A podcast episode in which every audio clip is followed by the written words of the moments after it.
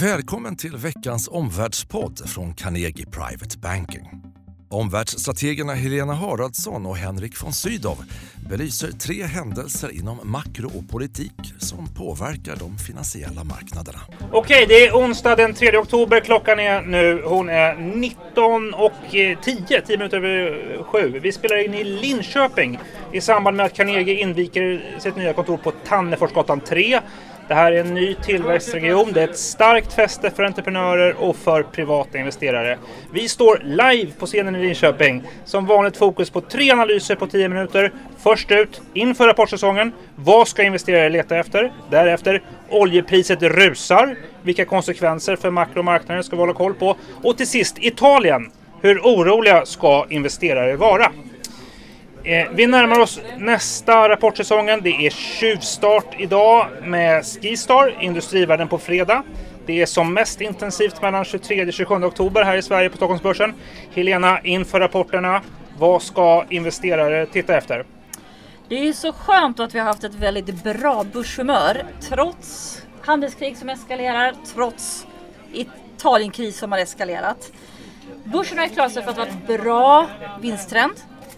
Det betyder att vinsterna växt in i värderingarna och det tycker jag man ska ha med sig. Det är en mindre sårbar värdering på börsen nu än i våras.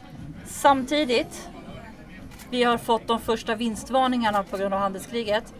Biltillverkaren BMW och transportföretaget DHL. Så det ska man hålla ögonen på. Mm. Om vi tittar på vinstrevideringar från analytiker inför rapportsäsongen. Eh, vilka revideringar ser du nedåt och, och eh, ser du från din horisont eh, några så säga, risker vi ska vara vaksamma på i bolagsrapporterna? Ja, vår alldeles färska strategirapport har ju rubriken Värd i otakt. Och det här gäller verkligen konjunktur men också bolagsvinster. Det är USA som visar styrka, både i industri och hushållssektor. Och det här ser vi också då i revideringstrenden. Den är mer positiv i USA, det är fortfarande små upprevideringar. I Europa och Asien svagare trend på konjunkturen och därmed lite nedreviderade vinster inför den här rapportsäsongen. Vad vi tittar på det är vad bolagen säger om tre faktorer på K egentligen. Mm. Det är konjunkturskillnaderna. Där tror jag man ska hålla utkik på vad säger de om Kina? För där finns det en oro på marknaden. Kostnadstrycket förstås. Mm. Vi såg ju Essity, SCA-knoppningen höga massapriser som de inte kunde skjuta vidare. Finns det fler sådana exempel? Att det inte blir inflation utan pressar lönsamheten. Och det tredje då, konflikten på handelsområdet förstås. Mm. Där har det varit lugnare mellan USA och Europa. Och det är väldigt skönt för Sverige att inte införa biltullar för mycket bilindustri. Mm, Okej, okay. tre K att hålla koll på. Ja. Alltså det här. Om vi tittar på bolag eh, i Sverige och på Stockholmsbörsen. Eh, vad är det som kan överraska positivt? Jag tycker verkstad är spännande. Mm. Eh, jag tror att det är låga förväntningar. Jag tycker samtidigt att kronfallet kan man ju då kanske, tänk om det kan lyfta några vinster och skina igenom. Då skulle man kunna få positiva reaktioner. Så det blir spännande. Annars tror jag konsumentbolagen, de har haft det stentufft. Kan det bli någon lättnad eller eskalerar det? Det är också viktigt. Carnegie Analys med de här 50 duktiga analytikerna, de lyfter ju framförallt fram då favoritaktier inom hälsovård och telekomoperatörer. Eh, Carnegie Private Bankings eget aktiemäxeri sätter också lite fokus på kommersiella fastigheter och råvarubolag mm. som kan överraska positivt. Om du skulle ha en kort slutsats inför rapportsäsongen? Mm. Bra konjunktur men mer spridd. Håll koll på vad bolagen säger och kom ihåg värderingarna är lägre. Ska lyfta fram en sak i Sverige så är att verkstad är spännande. Globalt tror jag tech, den sektor som har drivit upp. Som tur är så är den liten i Sverige om det mot förmodan skulle bli besvikelse. Mm, tack för det. Vi går vidare och tittar på den andra analysen då som handlar om priset på oljan som ju har ja. eh, verkligen knuffats uppåt. Det är ju nästan så att det rusar faktiskt. Det är nu över 85 dollar per fatet. Det är tre gånger så högt som bottennoteringen eh, 2016 eh, var det. Eh, från din horisont, vad driver prisutvecklingen och vad blir också konsekvenserna för konjunkturen? Ja, det är en enorm uppgång. Nu har det dykt upp de här som pratar om 100 dollar fatet igen i år. Eh, framförallt, konjunkturen är stark, efterfrågan är hög, men just nu så är det en utbudseffekt som förklarar oljeprisuppgången. Det är flera faktorer i det här. Venezuelas produktion har rasat, fortsätter rasa. Men kanske det viktigaste, sanktionerna mot Iran. Deras export ökar mycket, mycket mindre eller bromsar mycket snabbare än vad man kunde tro. Och det beror ju på att framförallt Kina och Indien inte köper, vilket marknaden trodde, utan deras import har gått kraftigt ner. Då tänker man så här, med skifferoljan i USA då? Kan inte den fylla det här gapet? Nej, de har lite infrastrukturproblem med pipelines och så. Så det har riggarna, aktiva riggar har inte följt med oljepriset upp. OPEC, kan de fylla gapet? Nej, det blir svårare. De börjar närma sig väldigt lite ledig kapacitet. Saudiarabien ligger väldigt nära en tidigare produktionstopp. Det kan fortsätta kanske. Mm. Eh, och det här då, effekter för konjunkturen. Hur påverkas omvärlden när mm. oljepriset stiger? Det där är väldigt komplext. Producerar man olja så är man vinnare. Importerar man som Indien och Turkiet så är man förlorare. Eh, är man oljebolag då kan man investera mer. Samtidigt kan då alternativa energikällor också naturligtvis få en konkurrensfördel. Men om vi håller oss i konjunkturen Henrik, för det är ju lite min gebit då. Då är det klart att ett högre oljepris det blir som en skatt för hushåll och företag. Men jag tror att konjunktureffekterna kan bli ganska begränsade för vi har två fördelar. Det ena är att industribarometrarna är väldigt bra. Bolagen har god försäljning, det är lättare att klara det här. Höga marginaler. Hushållen, de har ju fantastisk jobbmarknad som då snarare styr deras köpvilja och humör. Just det. Eh, jag noterar också att det här blir ett dilemma för den amerikanska presidenten, dilemma för Trump. Alltså mm. effekten av sanktioner mot Iran i november, det är höjt bensinpris. Det giller ju inte amerikanerna och samtidigt så är det kongressval då 6, mm. november som jag har pekat på tidigare. Om vi bortser från Trump, vad, vad tycker du ändå är den viktigaste takeawayen eh, för eh, svenska investerare? Man kan säga lite så här också som har med Trump att göra, det är att det blir inflation kanske av oljepriset. Mm. Här har vi ju en kombinerad effekt av ett oljepris som stiger tullar som stiger, löner som stiger i många regioner, kanske lite räntor. Vi har sagt i tidigare poddar, vi ser en ränterisk. Vi håller mycket koll på tvåårsräntan i USA. Den tror vi kan fortsätta stiga därför att Fed höjer och centralbankerna avslutar stimulanserna nu vid årsskiftet globalt. Om vi ska ta en kort slutsats också här, vad, vad, vad tror du framåt? Vad, vad ska investerarna ha med sig? Jag tror att oljepriset, det finns en risk att det stiger vidare när utbudet kan minska återigen. Upp mot 100? Vem vet? Ja, vem vet ja. Men det viktigaste, det är snarare en inflationsrisk än en konjunkturrisk. Det ska man ta med sig.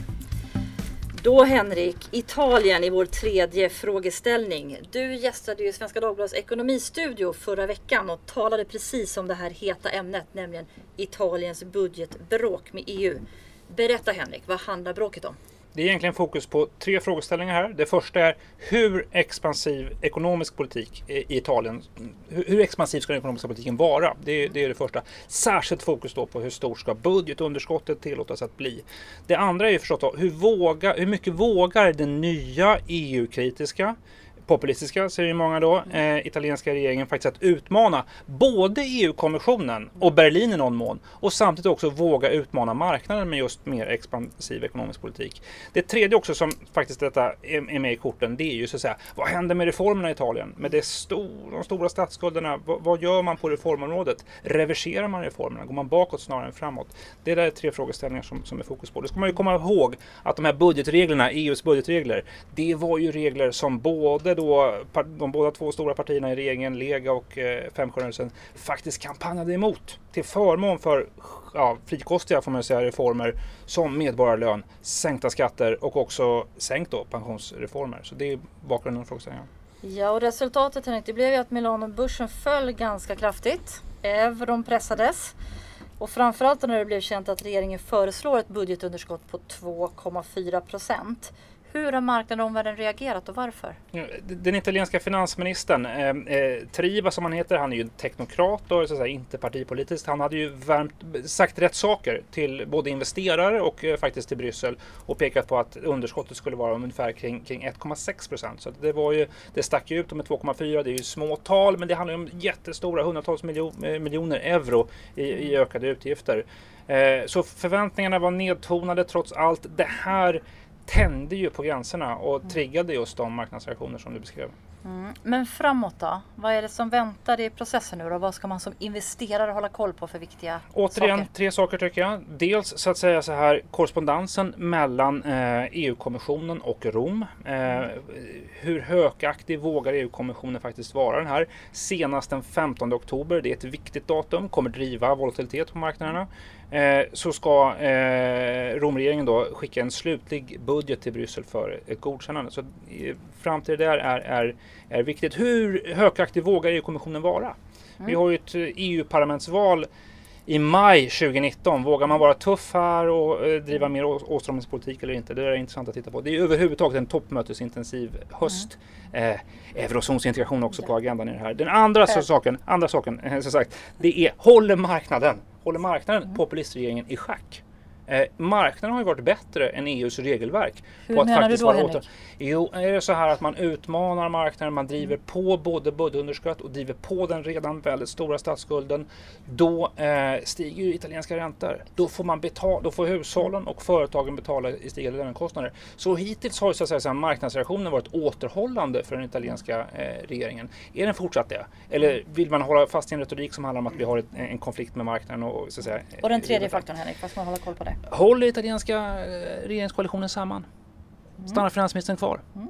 Det där är frågeställning som nu verkligen prövas på allvar när vi går mot ja. skarpt läge och ett, en konkret budget. Ska vi våga oss på en kort sammanfattning här också då? Hur orolig ska en investerare vara? Orolig? Jag tycker investerare ska vara uppmärksamma. Mm. Eh, det är, Italien är ju en stor ekonomi, det är en skuldsatt ekonomi, det är mitt i eh, eurozonen. Det är ett av EUs grundarländer och det har då en en, en regering som ibland skrämmer marknaden. Så det finns skäl att följa den italienska utvecklingen under hösten. Särskilt fokus då på 15 mm, oktober som är ett viktigt datum. Ja, och vi tar ju alltid med oss tre slutsatser då från podden. Den första för den här det är ju att vinsterna växte in i värderingarna som nu är mer rimliga. Spännande rapportsäsong. Den pika rapportsäsongen mellan 23 och 26 oktober. Håll koll på det. Slutsats nummer två Oljan stiger på lägre utbud och det är snarare en inflationsrisk än konjunkturrisk. Och den tredje då, investeraren ska vara uppmärksam på utvecklingen i Italien, särskilt om marknaden kan tämja dem. Nu finns vår nya strategirapport Värd i otakt tillgänglig för våra kunder. Och inom kort så kommer du som ännu inte är kund att kunna provläsa ett smakprov av den här rapporten på carnegie.se privatebanking. Kolla där! Och nästa torsdag då släpper vi ett nytt avsnitt av Omvärldspodden. Lyssna gärna då. Ni ser både Henrik och jag fram emot att prata mer med privata investerare på vårt nya öppnade Linköpingskontor. Bra.